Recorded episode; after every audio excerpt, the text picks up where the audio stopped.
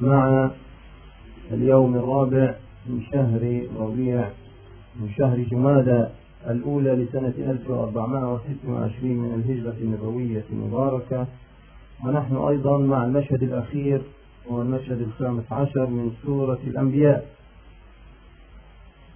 وصلنا الآن إلى نهاية التطواف. ونحن نطوف في سورة الأنبياء مرورا بكل هذا الجمع من الأنبياء الذين وقفوا ضد هؤلاء المعاندين أو ابتلوا من الله تعالى وصبروا على الفتنة. فيأتي الوعد والوعيد أيضا. إذ يقول الله تعالى في هذا المشهد بعد ذكر قوله تعالى مباشرة ولقد كتبنا في الزبور من بعد الذكر أن الأرض يرثها عبادي الصالحون. يقول تعالى إن في هذا لبلاغا لقوم عابدين. وما أرسلناك إلا رحمة للعالمين. قل إنما يوحى إلي أنما إلهكم إله واحد فهل أنتم مسلمون؟ فإن تولوا فقل آذنتكم على سواء وإن أدري أقريب أم بعيد ما توعدون إنه يعلم الجهر من القول ويعلم ما تكتمون وإن أدري لعله فتنة لكم ومتاع إلى حين قال رب احكم بالحق وربنا الرحمن المستعان على ما تصفون وهنا تنتهي هذه السورة بهذا المشهد الأخير وقال قال رب احكم بالحق وربنا الرحمن المستعان على ما تصفون. إن في هذا لبلاغا لقوم عابدين. إن في هذا القرآن إن في هذا الوعد ولقد كتبنا في الزبور من بعد الذكر أي في هذا الوعد أن الأرض يرثها عبادي الصالحون إن في هذا أي في هذا البلاغ وهو الذي بلغ في القرآن إن في هذا لبلاغا لقوم عابدين. ليس لأي قوم. هذا هو نهاية الوعد وتحقيق الوعد الآن. اقترب تحقيق الوعد وكأنها بشارة لهؤلاء القوم الصابرين العابدين. لأنه لم يرث الأرض بعد داود وسليمان قوم قط حتى جاء الوعد واستحق الميراث هؤلاء المسلمون. إذا استمرت البشرية بدون ميراث حتى جاء رسول الله صلى الله عليه وسلم وأشرقت الدنيا بنور مبعثه صلى الله عليه وسلم. إن في هذا لبلاغا لقوم عابدين. هؤلاء القوم صفتهم أنهم عابدون فهم طائعون فهم متذللون فهم وقافون عند حدود الشريعة. والعبادة هي الوقوف عند حدود الشريعة. وقلنا لكم إنها اسم جامع كما قال شيخ الإسلام ابن تيمية. اسم جامع لكل أفعال الخير. فهي الوقوف عند حدود الشريعة. هذه هي صفاتهم. أنهم عابدون فاستحقوا الميراث. رغم أن الآية نزلت قبيل الهجرة. ولم يكن هناك تمكين ولم يكن هناك ميراث ولم يكن هناك أرض بل كان هناك تعذيب ومطاردة وخوف. كان كان هو حال هذا هو الحال أثناء نزول هذه الآيات. إن في هذا لبلاغا لقوم عابدين.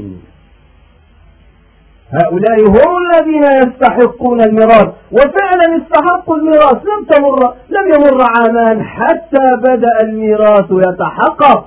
وحتى جاءت الثمرة بالدويلة الجديدة التي صارت منبع النور الذي انتشر في أرجاء الدنيا بعد ذلك بمبعث الرسول صلى الله عليه وسلم وبهجرة الصحابة إلى المدينة. هذا هو الذي لكن كان الصحابة في ذلك الوقت كانوا خائفين. كانوا مستمسكين فعلا بدينهم لكنهم كانوا مطاردين. ورغم ذلك تنزل هذه الآيات بشارة. ليس للصحابة فقط لكل من استمسك بهذا الدين وكان وقافا عند حدود هذه الشريعة. إن في هذا لبلاغا أي في هذا الوعد الذي بلغ في القرآن. أو أن هذه الآيات التي تنزل على رسول الله صلى الله عليه وسلم أو أن هذا القرآن في حد ذاته إن في هذا لبلاغا لقوم عابدين. ليست أية عبادة ليست مجرد مسائل التمكين والميراث في الأرض لأن الآية السابقة لها علاقة بها. ولقد كتبنا في الزبور من بعد الذكر أن الأرض يرثها عبادي الصالحون. إن في هذا لبلاغا لقوم عابدين. إذا هؤلاء هم الذين يستحقون الميراث. كما قال الله تعالى هناك في النور في سورة النور وعد الله الذين آمنوا منكم وعملوا الصالحات ليستخلفنهم في الأرض كما استخلف الذين من قبلهم. وليمكنن لهم دينهم الذي ارتضى لهم. وليبدلنهم من بعد خوفهم أمنا. يعبدونني. لا يشركون بي شيئا. ومن كفر بعد ذلك فأولئك هم الفاسقون. أي الذين لم يلتزموا بهذه الشروط وأشركوا بالله في حكم وفي عبادة وفي كل شيء هؤلاء لا هؤلاء خارجون عن هذا الميراث وعن هذا الوعد. لأن هذا الوعد للذين آمنوا لهؤلاء العابدين لهؤلاء المطيعين المخبتين المستسلمين لله تعالى.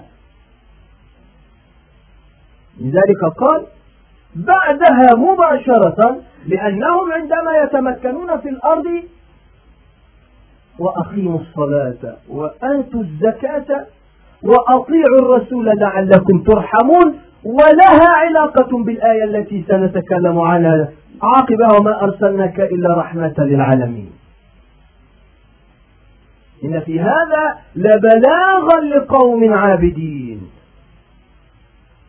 حتى لا يظن الظان أن مجرد العبادة وأن الناس أن المساجد تكتظ بالناس وتمتلئ بهم يوم الجمعة أو في رمضان أو في المناسبات أو كل يوم هذا شيء طيب. لكن العبادة أشمل من الصلاة العادية وأشمل من هذه العبادات. العبادة حياة. العبادة هي وقفك نفسك لله تعالى أي أن تقف وتحبس نفسك لله. في كل ما يريده الله منك. هؤلاء هم الذين يستحقون الميراث. هؤلاء هم الذين غاب الميراث عنهم حتى وصل إلى رسول الله صلى الله عليه وسلم منذ عهد داود عليه السلام وابنه سليمان. سليمان تحقق الملك على يديه وأعطاه الله سبحانه وتعالى ملكا واسعا ثم جاء ابنه بعد ذلك وضاق الملك حتى ضاع بعد ذلك. واستمرت البشرية هكذا حتى في هذا التخبط والتيه حتى وصلوا إلى رسول الله صلى الله عليه وسلم. وكنتم على شفا حفرة من النار فأنقذكم منها جاء النور. فأحيا الله به هذه الظلمات التي كانت في البشرية في ظلها في عتمة عمياء. جاء النور فبدد هذا الظلام.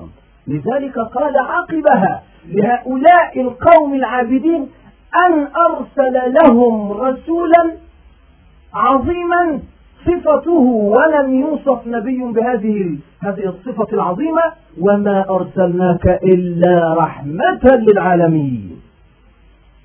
وما أرسلناك وما أرسلناك يا محمد بين هؤلاء القوم المعاندين المكذبين الذين يتهكمون ويسخرون منك وما أرسلناك إلا رحمة للعالمين. أي عالمين؟ هل العالمين هم هم قومه فقط أو العرب فقط؟ أم أن لفظة العالمين تشمل كل العوالم؟ المؤمن والكافر. كل الدنيا حتى بالحيوانات فالرسول صلى الله عليه وسلم كان رحمة مهداة. ولذلك كما في الصحيح يقول بعثت بالحنيفية السمحة فهو كان رحمة وهو كان يقول عن نفسه أنا رحمة مهداة أي أنه هدية وعطية من الله تعالى للبشرية البشرية فهو رحمة. لذلك قال الله تعالى وأقيموا الصلاة وآتوا الزكاة وأطيعوا الرسول لعلكم ترحمون. أي أن طاعة الرسول تجلب الرحمة. وأطيعوا الرسول لعلكم ترحمون.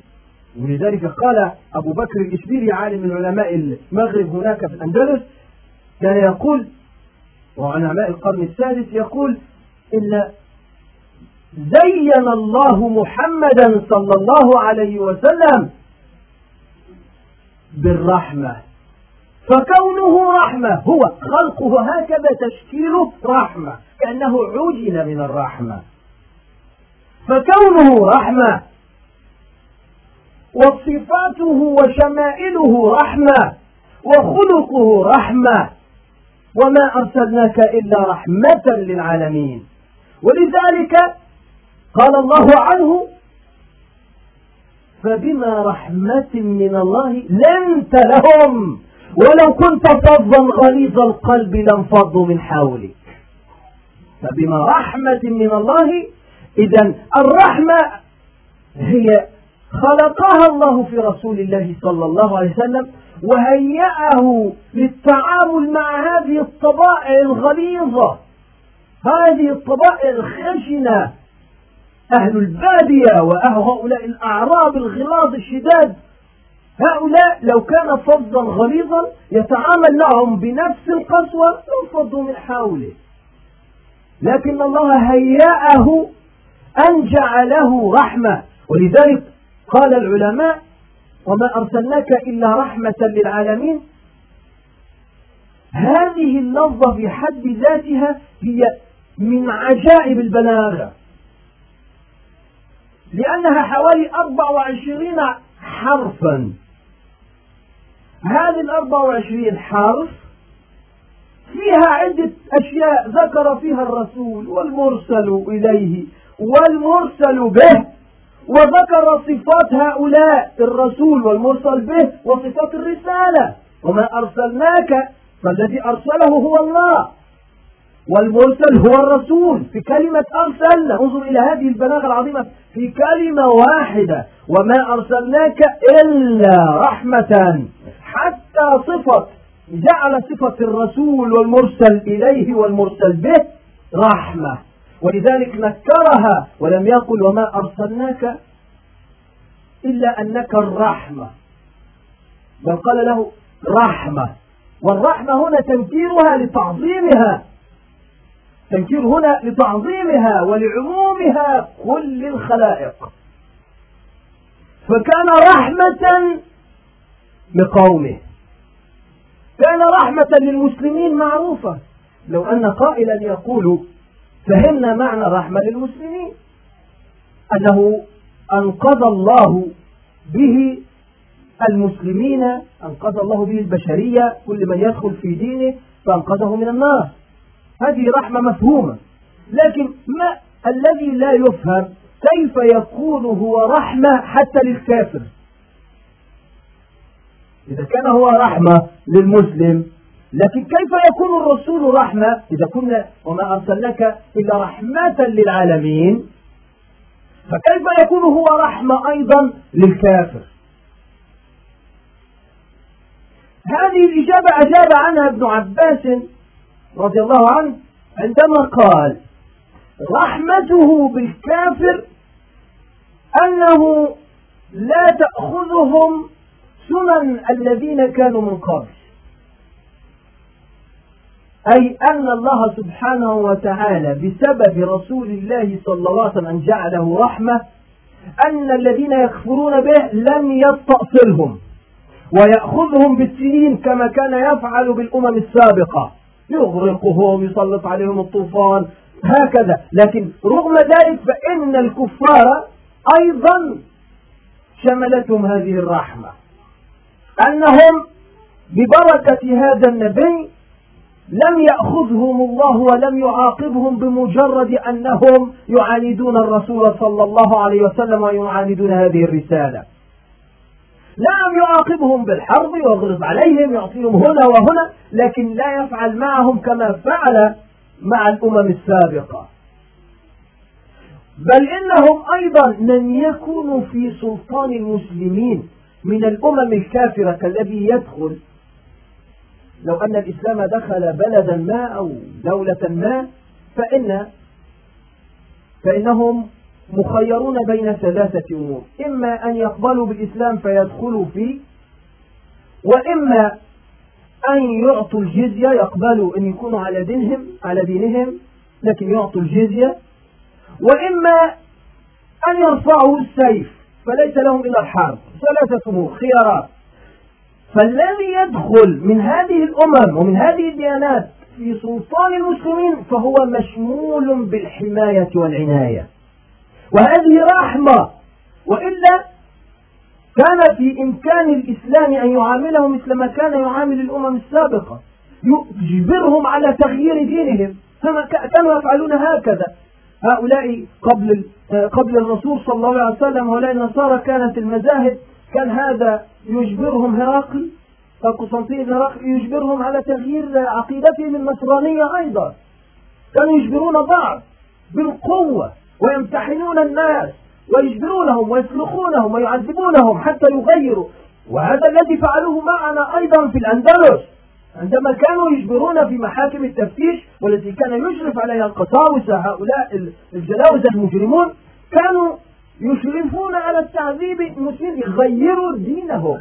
بل إنهم كانوا يعذبون أيضا اليهود وكانوا يعذبون أيضا المذاهب الأخرى التي هي ضد الكاثوليكية. لكن المسلمين كان لهم الحظ الأوفر لأنهم كان العداء كان أشد. كانوا يجبرون لكن الاسلام لم يفعل ذلك. إذا قبلت فلك كنائسك ولك عبادتك ولك كل ما هو خاص بدينك ويشتملك يشملك عدل الإسلام العام. إذا ظلمك إنسان مسلم هنا أو هناك فإنه بحقوق أهل الذمة هذه فإنك يحق لك أن يحكم لك السلطان بقضياتك أما أما غير ذلك في الأمم السابقة حتى فيما بعد الإسلام هؤلاء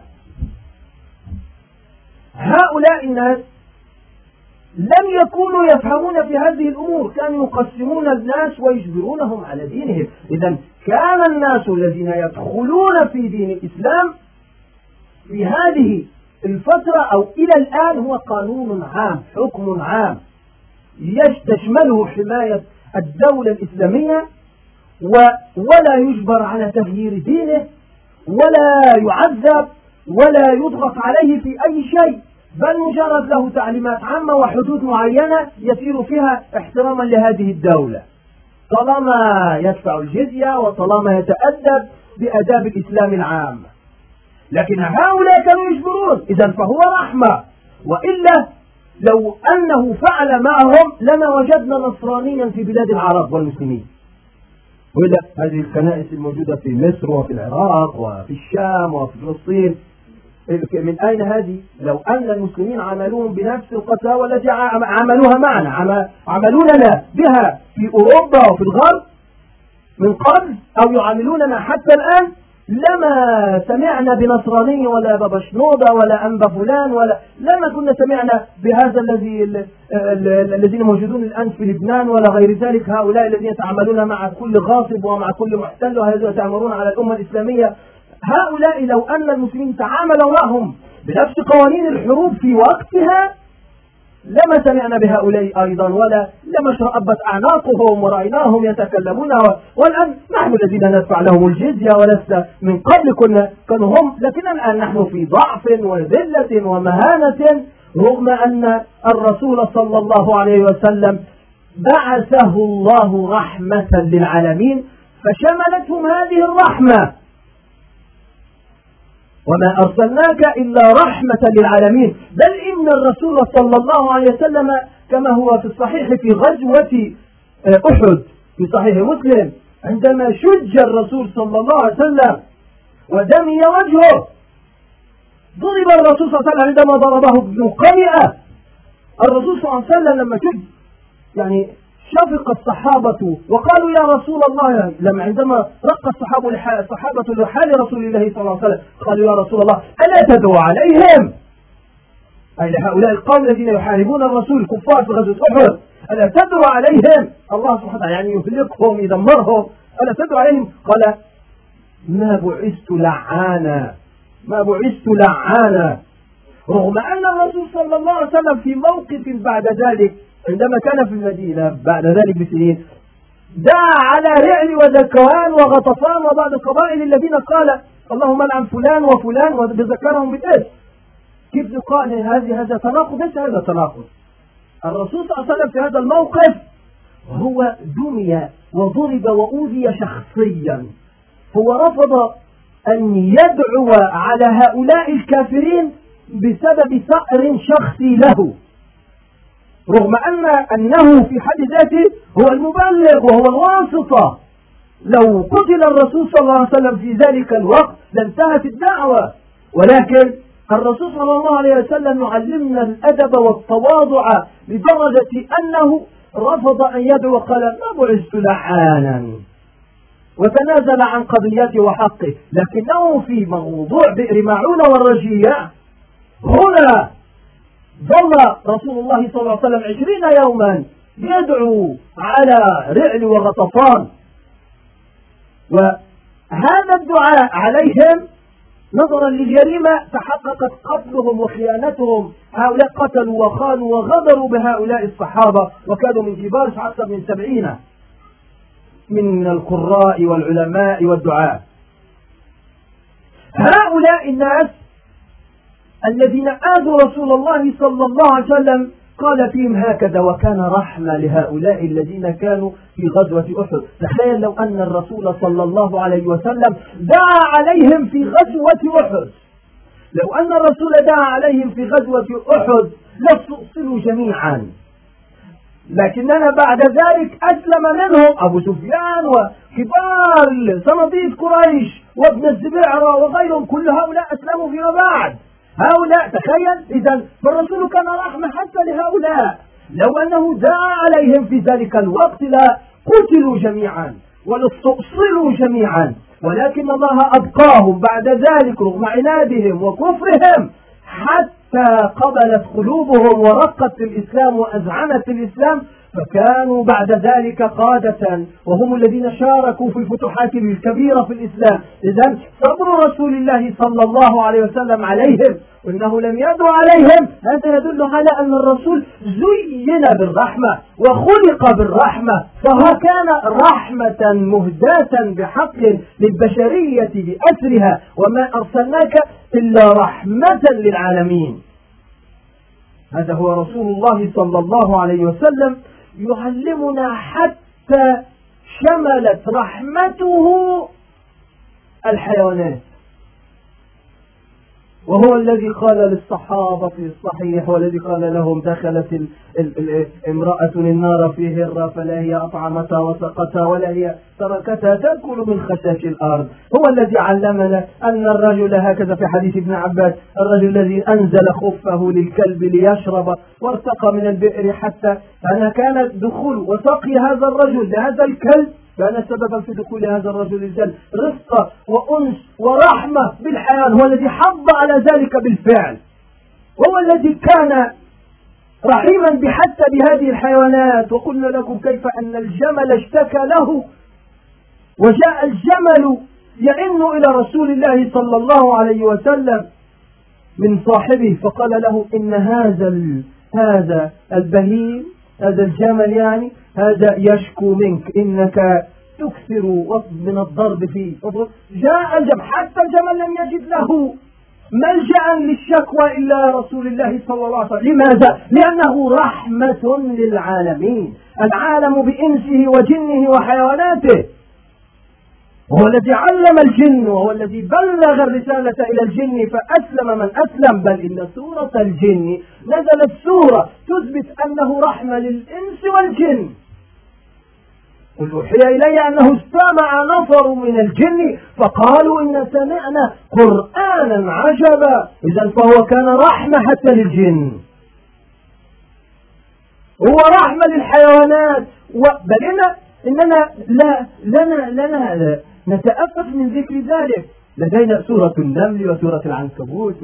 آه، هذه الصور آه، هذه صور حيوانات وحشرات.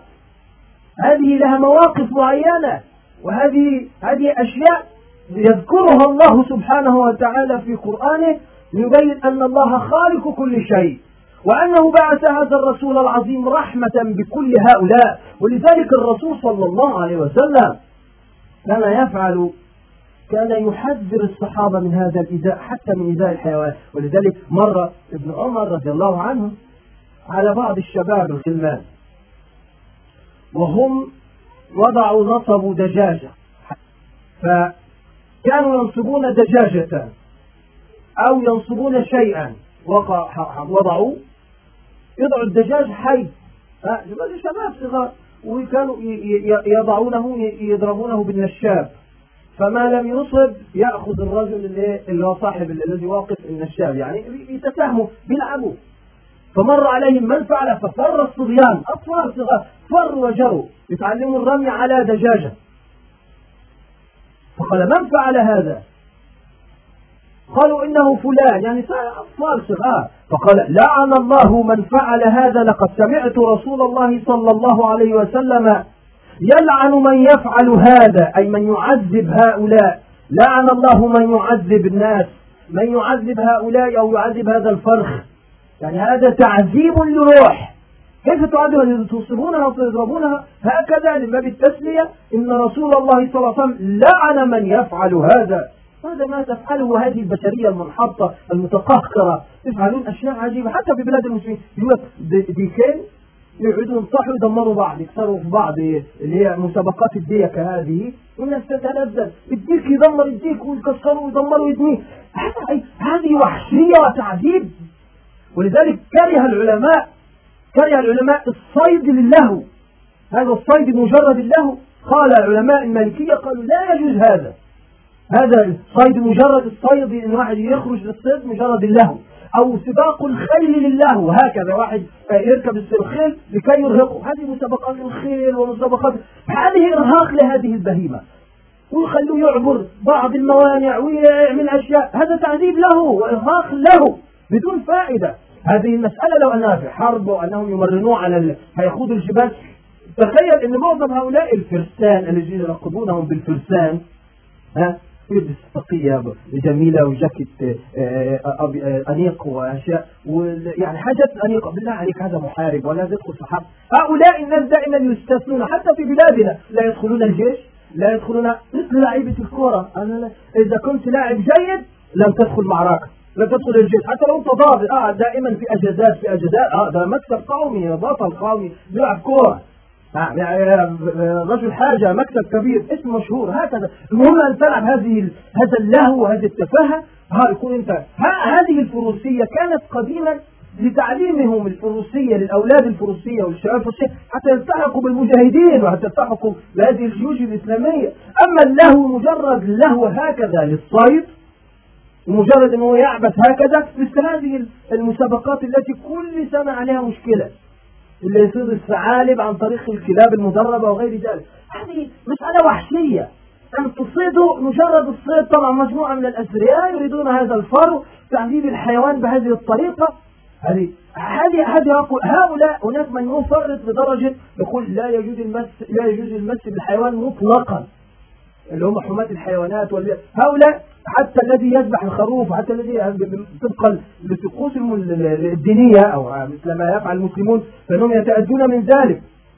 لكن هذا شطط وغلو حتى من ناحية الشطط الفكري عند عند الإنسان. لكن الذي نقوله إنما أمر الله سبحانه وتعالى أن يذبح وينتفع به الإنسان الله سبحانه وتعالى أمر ذلك فلنفعل. والخيل والبغال والحمير لتركبوها وزينة. والأنعام خلقها لكم. بل بين الله سبحانه وتعالى أن فيها دفء ومنافع للناس. وتحمل أثقالكم. إلى بلد لم تكونوا بالغيه إلا بشق الأنفس. إذا هذه منافع. لكن أن أن يصل الأمر لترويضها واللهو وتعذيب الحيوان والمسابقات حتى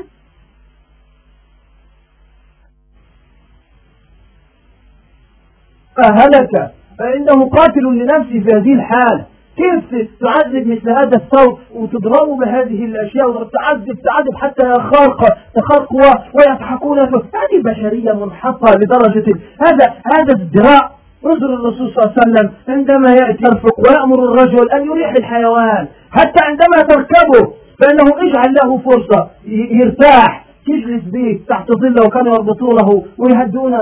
راح هذا ليس آلة آه، تشتغل هكذا. حتى الآلات بتحتاج إلى الراحة. هؤلاء يعذبون هؤلاء. وفي الوقت نفسه يأتون يعلموننا حقوق الإنسان والرحمة وحقوق الحيوان.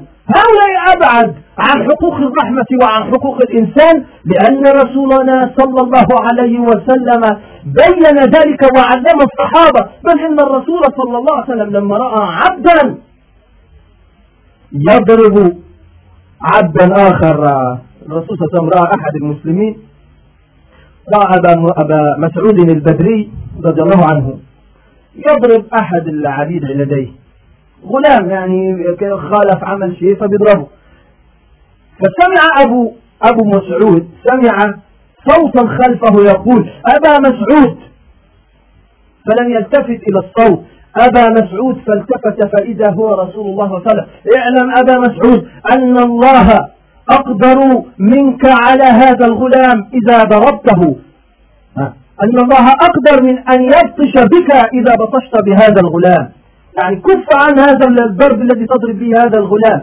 فالتفت فإذا رسول الله سقط الرجل هيبة لرسول الله صلى الله عليه وسلم عندما رأى الرسول هو متلبس بالجريمة يضرب الغلام يزيد. فقال يا رسول الله انظر هو حر لوجه الله. هو حر يا رسول الله لوجه الله. انظر وما أرسلناك إلا رحمة للعالمين. هذه رحمة. علمهم عمليا الرحمة. عبيد هؤلاء ما كانوا ما كان لهم أي كينونة ولا أي حيثية في تاريخ البشرية. هؤلاء العبيد. صرنا الآن نتكلم عن العبيد. هؤلاء هم ساداتنا وتاج حتى قال عمر سيدنا يقصر بلال. عندما كان يقول سيدنا بلال. هذا كان عبد. حتى لو قارنته بين عمر بن الخطاب في الجاهلية أو في أي شيء في الحيثية لا يوجد مقارنة. رغم يقولون له سيدنا لأنه ساد بالإسلام. هذا بلال الحبشي وهذا الروح هذا صهيب الرومي وهذا سلمان الفارسي. هذه الأسماء من الذي أحياها وجعلها سادة وجعلنا نترضى عليهم؟ هو الإسلام الذي كان رحمة لهؤلاء العبيد الذين كانوا يصنفون كانوا قديما حتى بعد الإسلام. في هذه القرون ما تسمى قرون الوسطى قرون الظلام وكانت قرون منيرة عندنا. هذه القرون التي كانوا يقولون كانوا يقسمون الناس. سادة عبيد انصف مجتمع وهؤلاء ليس لهم أي حقوق في أي شيء. هؤلاء يعني تنظر إلى قائد علم من أعلام الغرب. يتغنى به العلمانيون والمتسكعون والمتخبطون حتى من بني جلداتنا هؤلاء اللي دوخونا وصدعونا بهذه الأسماء. جان جاك روسو صاحب روح القوانين هذا.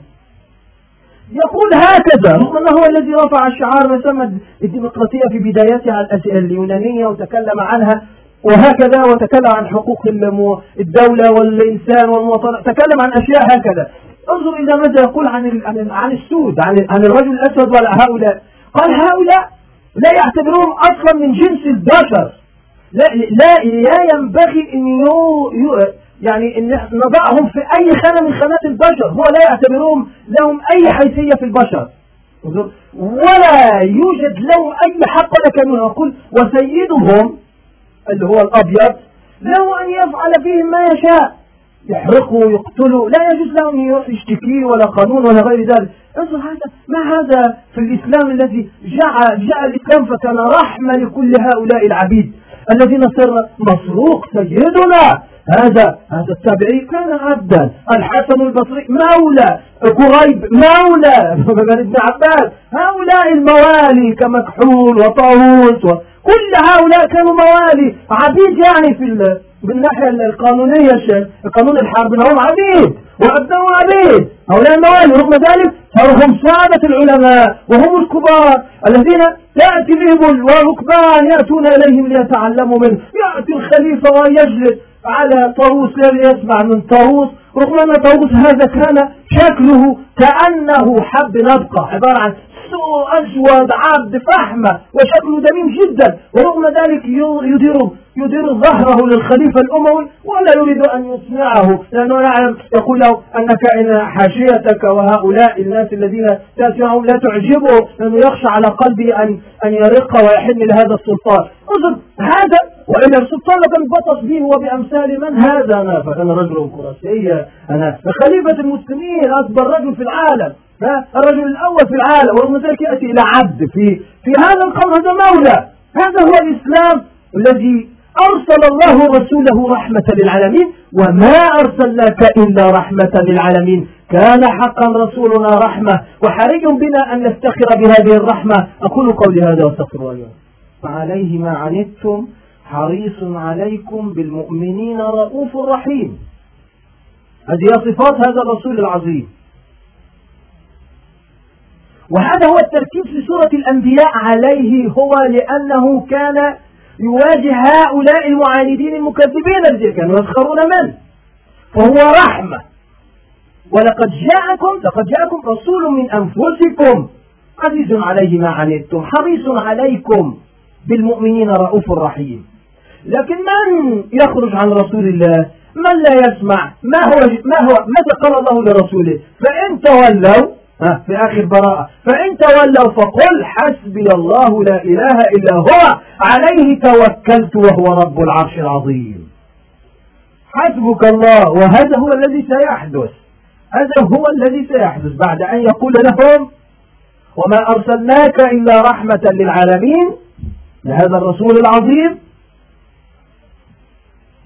هذا الرسول الذي أرسل رحمة قل إنما إلهكم إله واحد. إذا هو جاء هذا الرحمة برسالة التوحيد. وإلا هؤلاء أصحاب الشرك ما كان لديهم هذه المسائل. يعني كيف إنك أنت أنا أعبد واحد فقط؟ لا ولا بد يعمل شركة. هذا هو الذي علمهم الكهنة أو, أو هذا الرجل الذي علمهم. لا يعتقدون. لذلك كانوا يتعجبون جعل الآلهة إلها واحدة. إن هذا لشيء عجاب إذا هم كانوا مندهشين لأنهم ما تعودوا نسيوا فترة جاء الشياطين اجتلت هذه العقول والقلوب فغيرتها فجعلت لا تألف إنها تعبد إله واحد هو يعبد الله هذا اليوم ثم يعبد إله آخر ويغير يعني يعمل شركة ولا بأس نعبد كل هؤلاء مع بعض. لم يكونوا متعودين على هذا ولذلك كانوا في اندهاش عندما دعاهم إلى إله واحد. بل إن الرسول صلى الله عليه وسلم يقول الله تعالى في حق هذا الرسول العظيم حتى لأهل الكتاب. إذا هو جاء رحمة للمسلمين وهذا هو الأساسي. هو رحمة أيضا هي رحمة خاصة. المسلم له رحمة خاصة على هذه مسائل مزيات يعني وإلا لو استوى هذا بذاك ما هي مزية أن نكون مسلم واستوى مع الكافر في, في شيء. فهو رحمة هذا متى نتكلمه أن الرسول صلى الله عليه وسلم حتى كان عندما يدعو ربه كان حريص على ألا يحدث لهم أي شيء حتى في المستقبل. وهذا كما في حديث ثوبان رضي الله عنه. ثوبان هذا مولى للرسول يعني خادم للرسول. أه انظر نقول ماذا نقول؟ رضي الله عنه. هذا ثوبان رضي الله عنه. هو روى هذا الحديث العظيم. الذي يدل على مدى رحمة الرسول وشفقته بأمته. عندما يقول الرسول صلى الله عليه وسلم يقول ثوبان والحديث أيضا رواه شداد بن أوس أيضا. يقول في صحيح مسلم والزيادة موجودة أيضا في سنة أبي داود يقول إن الله زوى لي الأرض. فرأيت مشارقها ومغاربها. قبل أن تفتح قبل أن يحدث فتوحات ولا أي شيء. إن الله زوى لي الأرض ضمها طواها. إن الله زوى لي الأرض فرأيت مشارقها ومغاربها. وإني أعطيت الكنزين الأحمر والأبيض. وفي الرواية وإن ملك أمتي سيبلغ ما زوي لي منها. يعني بقدر ما رأى الرسول من هذه الرؤيا فكل ملك أمته سيصل. رغم أنهم في هذه الفترة كانوا في مجرد يعني المدينة ويكافحون ولا يوجد فتوحات ولا أي, ولا أي شيء. وإني سألت ربي. هذا هو الحرص والرحمة والشفقة على الأمة فاستجاب له ربه رحمة بي لأنه جعله رحمة. وإني سألت ربي ألا يهلك أمتي بسنة عامة وألا يسلط عليهم عدوا من سوى أنفسهم فيستبيح بيضتهم. فقال لي ربي أو وإن ربي قال لي يا محمد صلى الله عليه وسلم إني قضيت قضاء إني إذا قضيت قضاء فإنه لا يرد. وإني أعطيتك لأمتك ألا أهلكهم بسنة عامة. ضمان الأول. سنة عامة يعني جذب عام. غرق عام حريق عام زلزال عام دمار عام هكذا يعني. يأتي طوفان يدمر المسلمين كلهم. ألا أهلكهم بسنة عامة. وألا أسلط عليهم. عدوا من سوى أنفسهم يستبيح بيضتهم. وإن كانوا وإن بلغوا بأقطارها أو إن كانوا بأقطارها أي إن بلغت الأمم عليهم حتى تستبيح بيضتهم يعني تكالبت الدنيا عليهم حتى يعني يستبيحوا بيضة المسلمين ويستأصلوا قوتهم وعزهم ويستأصلوهم كجنس ها؟ فهذا لا يحدث. انظر لكن الاستثناء وهذا ما ما كان الرسول صلى الله عليه وسلم يخشاه لكن القضاء نفذ ألا أسلط عليهم. عدوا من سوى أنفسهم. يستبيح بيضتهم وإن كانوا بأقطارها. أي إن كل الدنيا جاء طيب حتى ها انظر حتى هذه هي المشكلة. حتى يهلك بعضهم بعضا. ويسبي بعضهم بعضا. يصل الأمر هذه المصيبة. إذا إن عدو من خارجنا جورج بوش يأتي لكي يستأصل المسلمين كلهم هذا في ضمان من من ربنا. ربنا ضمن للرسول صلى الله عليه وسلم لا لا لا تخافوا المليار وثلاثمائة رغم أنهم مصيبة أصلا معظمهم إن هؤلاء لن يستأصلوا جميعا. أبشروا لا جورج بوش ولا غير جورج ولا أي قوة جبارة في الأرض. هذا ضمان من الله تعالى لرسوله. وإن نوقن ذلك ونموت على ذلك. لكن المشكلة حتى يهلك بعضهم بعضا ويسبي بعضهم بعضا. هذا ما حدث. انظروا في التاريخ. هناك في في في لما دخل محمد علي باشا هذا المجرم الأم الذي دخل على الجزيرة حارب الدعوة الوهابية. سبى سبى المسلمين من أهل الجزيرة. سباهم وكانوا يبيعونهم في أسواق. القاهرة ويبيعونهم في أسواق الصعيد وهم من قريش يعني ناس قرشيين ومن سادة الناس وكانوا يبيعونهم في أسواق الأستانة. هناك هذا حدث مسلمون يقاتلون مسلمين ويسبونهم. ويبيعون هذا حدث في العهد منذ قرنين هذا ليس بعيدا. بل إنه حدث أيضا عندما كان التتار والمغول وهذه الذي كانوا يحدثون يغيرون على بعضهم على بعض كانوا يسبون الناس. ودولة الطوائف في الأندلس كانوا يمزقون ويقاتلون ويسبونهم يسبونهم ويغنمون أخوانهم ويسبونهم لأنهم من كانوا يبعينهم إلى ألفونسو هذه هذا حدث للمسلمين. ويحدث الآن في العراق. من الذي جاء حيث الشمال الشمال هذا الذي باع المسلمين؟ والذين يقدمونهم كمشرف وغيره. هؤلاء الذين يقبضون على الشباب المسلمين ويقدمونهم للأمريكان. تقدمه لكافر لا يجوز شرعا حتى ولو هو ارتكب أي جريمة لا يجوز يقدم لكافر. لا يجوز على الإطلاق. لا يجوز في شرع الله أن تقبض على مسلم وتضعه يحاكم مع كافر. هذا لا يجوز حتى لو ارتكب هذا. يعاقبه الحاكم المسلم الإمام المسلم القاضي المسلم ما شاء يعني هم يتظلمون ويأتوا إلى القاضي لو كان هناك. لكن أن يقدموا هؤلاء ويقبضون عليه هذا إذا أنت تسبيه وتغنيه تجعله غنيمة باردة للكفار.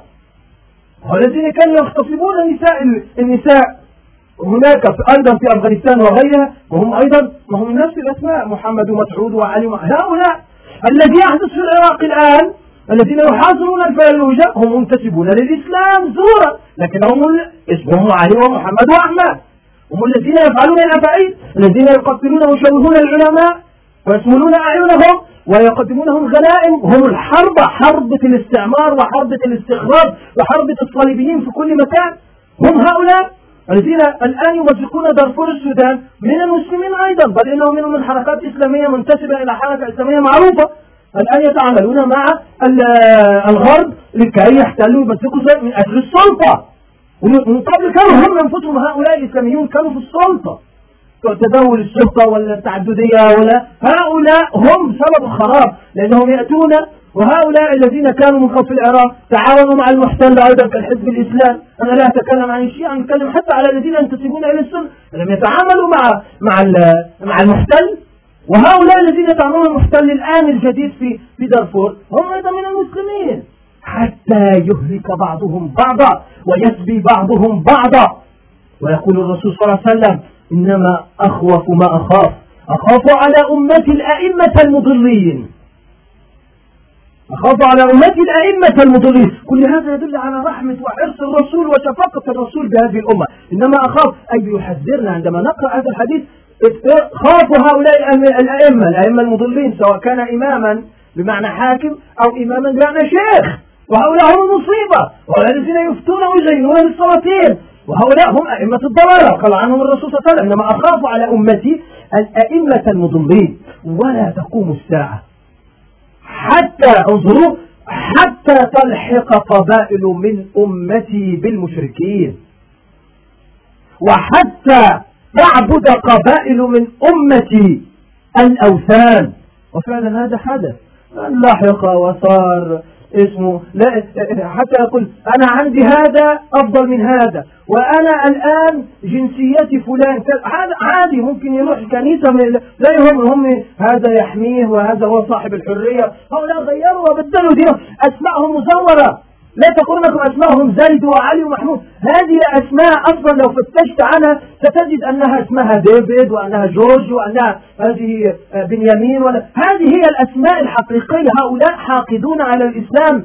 هؤلاء خرجوا. الرسول قال عنهم هكذا. التحقت ستلتحق قبائل يعني أمم وناس ستفعل أي شاكلة بل إن منهم من سيعبد الأوثان ومنهم من يرتد ومنهم من يخرج. وهذا للأسف الشديد ما أكثره في هذه الأيام. والرسول صلى الله عليه وسلم يقول ولن تقوم أيضا على ذلك في الساعة. حتى يقوم كذابون ثلاثون. كلهم يزعم أنه نبي. المتنبئون والبهائية والقديانية كل هذه التخريفات من من أيام مسيلمة الكذاب حتى وقتنا الحاضر. ها ثلاثون كذابون كلهم يزعم أنه نبي. وأنا خاتم النبيين لا نبي بعدي. انظر هذا الأمل يقول رغم كل هذه المصائب في نفس الحديث. ولا تزالوا طائفة من أمتي على الحق ظاهرين لا يضرهم من خالفهم حتى يأتي أمر الله.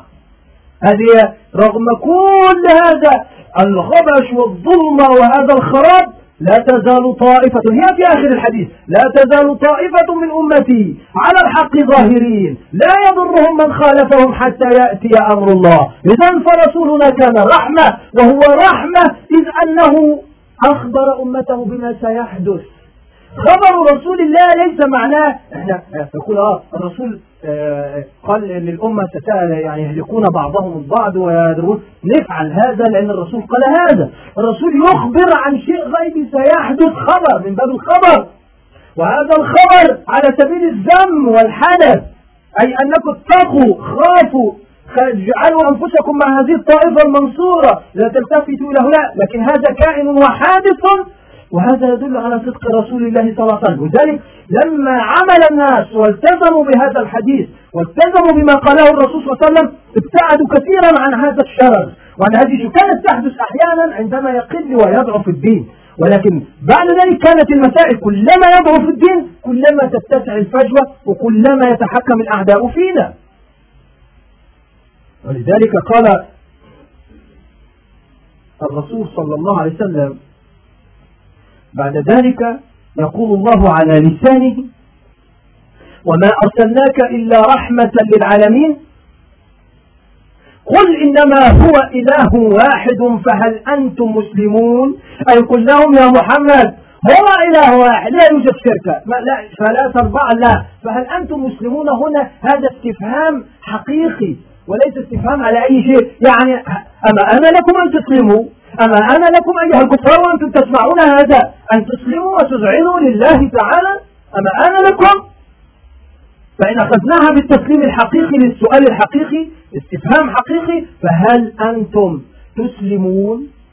بعد كل الذي قلته لكم وبعد الذي تلوته عليكم فهل أنتم مسلمون؟ طيب إذا لم يسلموا. فإن تولوا فقل. آذنتكم على سواء. ها إعلان مثل ما قال الله في الأنفال هناك وإما تخافن من قوم خيانة فانبذ إليهم على سواء. يعني لو بينك وبينهم عهد خلاص اعلن وقول هذا العهد لا صلح نقض العهد وانبذ إليه يعني أعلن الحرب عليهم خلاص. بيننا وبينكم الحرب أحسن تقولوا إحنا غدرنا بكم. هذا خلاص انتهى العقد بيننا. فإن تولى فقل آذنتكم. آذنتكم أي أعلمتكم على سواء نحن على علم أنتم الآن حتى لا تقولوا إن محمدا غدر بنا. أنتم الآن هدف لي. يعني رغم أن الرسول كان في هذه الفترة لم تنزل آيات القتال ولم ينزل آيات الحرب. وكان مأمورا بالكف في هذه الفترة وكان يحاول الهجرة. فإن تولوا فقل آذنتكم على سواء. ولذلك لأنها كانت في وقت الهجرة. انظر. وإن أدري أقريب أم بعيد ما توعدون. يعني أنا لا أعلم متى متى ما يحل عليكم العذاب والحرب التي بيني وبينكم. متى لا أدري هي قريبة أم بعيدة. هو الرسول لا يعلم توقيتها هو بيعلمهم فقط أنتم الآن بيني وبينكم حرب. ولكن لا أدري متى الوقت. لأنها هي لم تمر هي سنتان فقط بل إن الرسول مجرد لما ذهب أرسل الغزوات. غزوة الأبواء والعشيرة وهذه الغزوات التي في الأول أو السرايا الأولى التي بدأت قبل بدر لأن في في تجهيزات تمت قبل بدر. لكن سنتان وقسم رسول الله صلى الله عليه وسلم بفضل الله تعالى له ظهور هؤلاء الكفار في أول معركة حقيقية. وإن أدري لعله وإن أدري أقرب ما توعدون أم؟ ما توعدون؟ إنه يعلم الجهر من القول ويعلم ما تكتمون قال لماذا هم؟ ليس لم يقولوا بل افتراه بل هو شاعر. هناك يرجعنا الأول السورة يذكرنا بل هو شاعر. فليأتنا بآية. ألم, ألم يسخروا من رسول؟ بل هو ساحر. قالوا هكذا. اقترب للناس حسابهم وهم في غفلة وهم معرضون. ما يأتيهم من ذكر محدث إلا استمعوه وهم يلعبون. هم كانوا يلعبون ويلهون هو يقول لهم هذا. هذا هو الذي يعلم سرك عندما كنتم تشتمون جهرة ويعلم ما في أنفسكم وأنتم تشتموننا وتعبون ديننا في السر وتتأمرون علينا. الله يعلم ذلك كله. وإن أدري لعله فتنة لكم ومتاع إلى حين. كل هذا السكوت وهذا الذي يعلمه الله. وهذا لعله فتنة لكم ليختبركم ويبتليكم لأن الوقت لم يحن الآن. لعلكم ترجعوا لعلكم تتوبوا لعل فتنة لكم. ومتاع إلى حين يعني تمتع والمتاع دائما الوقت القليل هي دائما الدنيا متاع. متاع يعني شيء قليل تستفيد به ولكنه دائما للقلة وإن عشت ما عشت فهو قليل. متاع الدنيا بمقابل الآخرة قليل.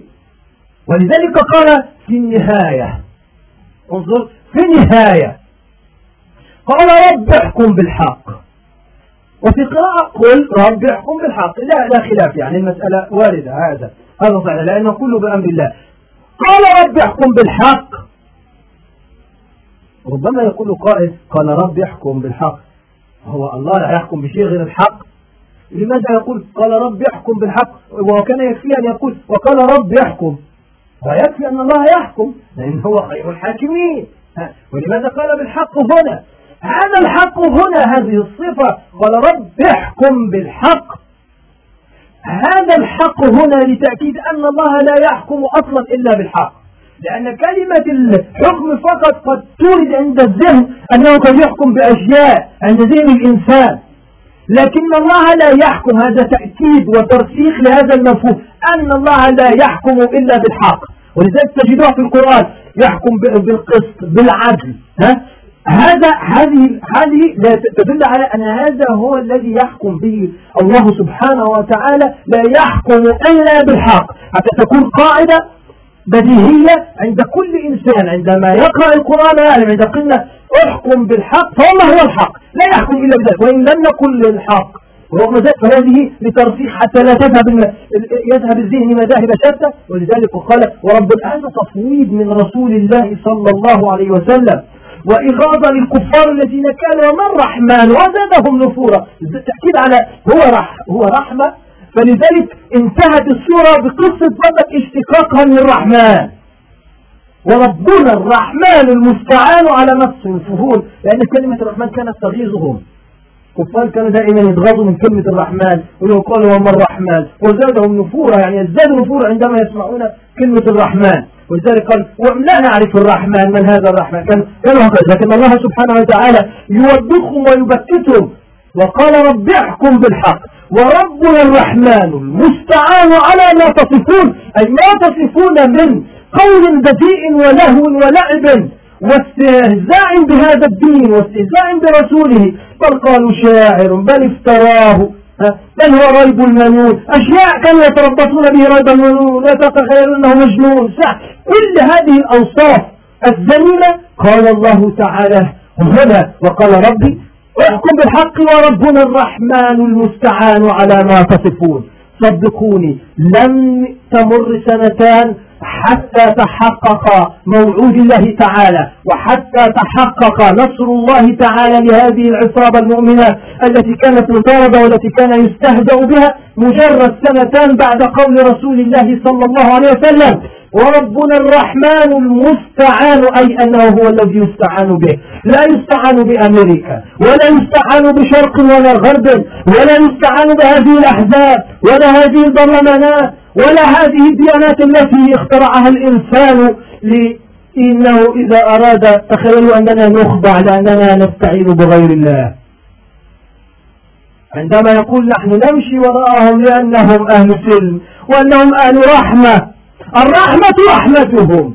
وإذا قيل الحق فالحق حقهم لا حقنا. والرحمة رحمتهم لا رحمتنا والسلم سلمهم لا سلمنا والأمن أمانهم لا أماننا. هذا هو الغرب هذا هو الذي يريدونه من أن نكون أذلاء عبيدا لهم. أن نستعين بهم دائما لا نستعين بالله. وربنا الرحمن المستعان على ما تصفون. هم الذين يصفوننا بأنه دين دين دين الجواري هو دين البدائية. وهذا المخبول الذي هناك في العراق الذي وصفها بأنها دين الكتب الصفراء والإبل والبادية. هؤلاء هم الذين يعيبون ديننا والذين يصفونهم هذه الأوصاف الذميمة ونستعين بهم وبخداعتهم وبسحرهم ما يسمى ببرلمانات وانتخابات وخداعات وهذه الأشياء. وربنا يقول لنا ويقول لرسوله وقال رب احكم بالحق. أي بيننا بينهم؟ والحكم حدث في الدنيا الحكم حدث في الدنيا. أن الله نصر المسلمين يوم الفرقان يوم التقى الجمعان هذا هو الحكم في الدنيا. والحكم في الآخرة عند مليك مقتدر وربنا الرحمن المستعان على ما تصفون. فإن لم يكن هناك حكم في الدنيا بيننا وبين هؤلاء الكافرين فإن هناك حكما في الآخرة عند مليك مقتدر. أيها الإخوة المكرمون استمسكوا بدينكم فإنكم أعز والله. والله إن الإسلام قادم وإن هذا الإسلام لا ينتصر وإن هذا الإسلام سيدخل كل بيوت هؤلاء الغرب إن شاء الله بعز عزيز أو بذل دليل وإن الدين قادم إن لم يقضوا على أيدينا وأيدي أبنائنا فسيقدم إن شاء الله على أيدي أحفادنا. نرفع أكفهم الضراع لعل الله العظيم رب العرش العظيم أن ينصر هذا الدين ويعز الإسلام والمسلمين. اللهم إنا عبيدك وأبناء إمائك ناصين بيدك ماض فينا حكمك عدل فينا قضاؤك نسألك بكل اسم هالك أنزلته في كتابك أو علمته أحدا من خلقك أو استأثرت به في علم الغيب عندك أن تجعل القرآن العظيم ربيع قلوبنا وجلاء همنا وذهاب غمنا وحزننا ذكرنا منه ما نسينا وارزقنا حسن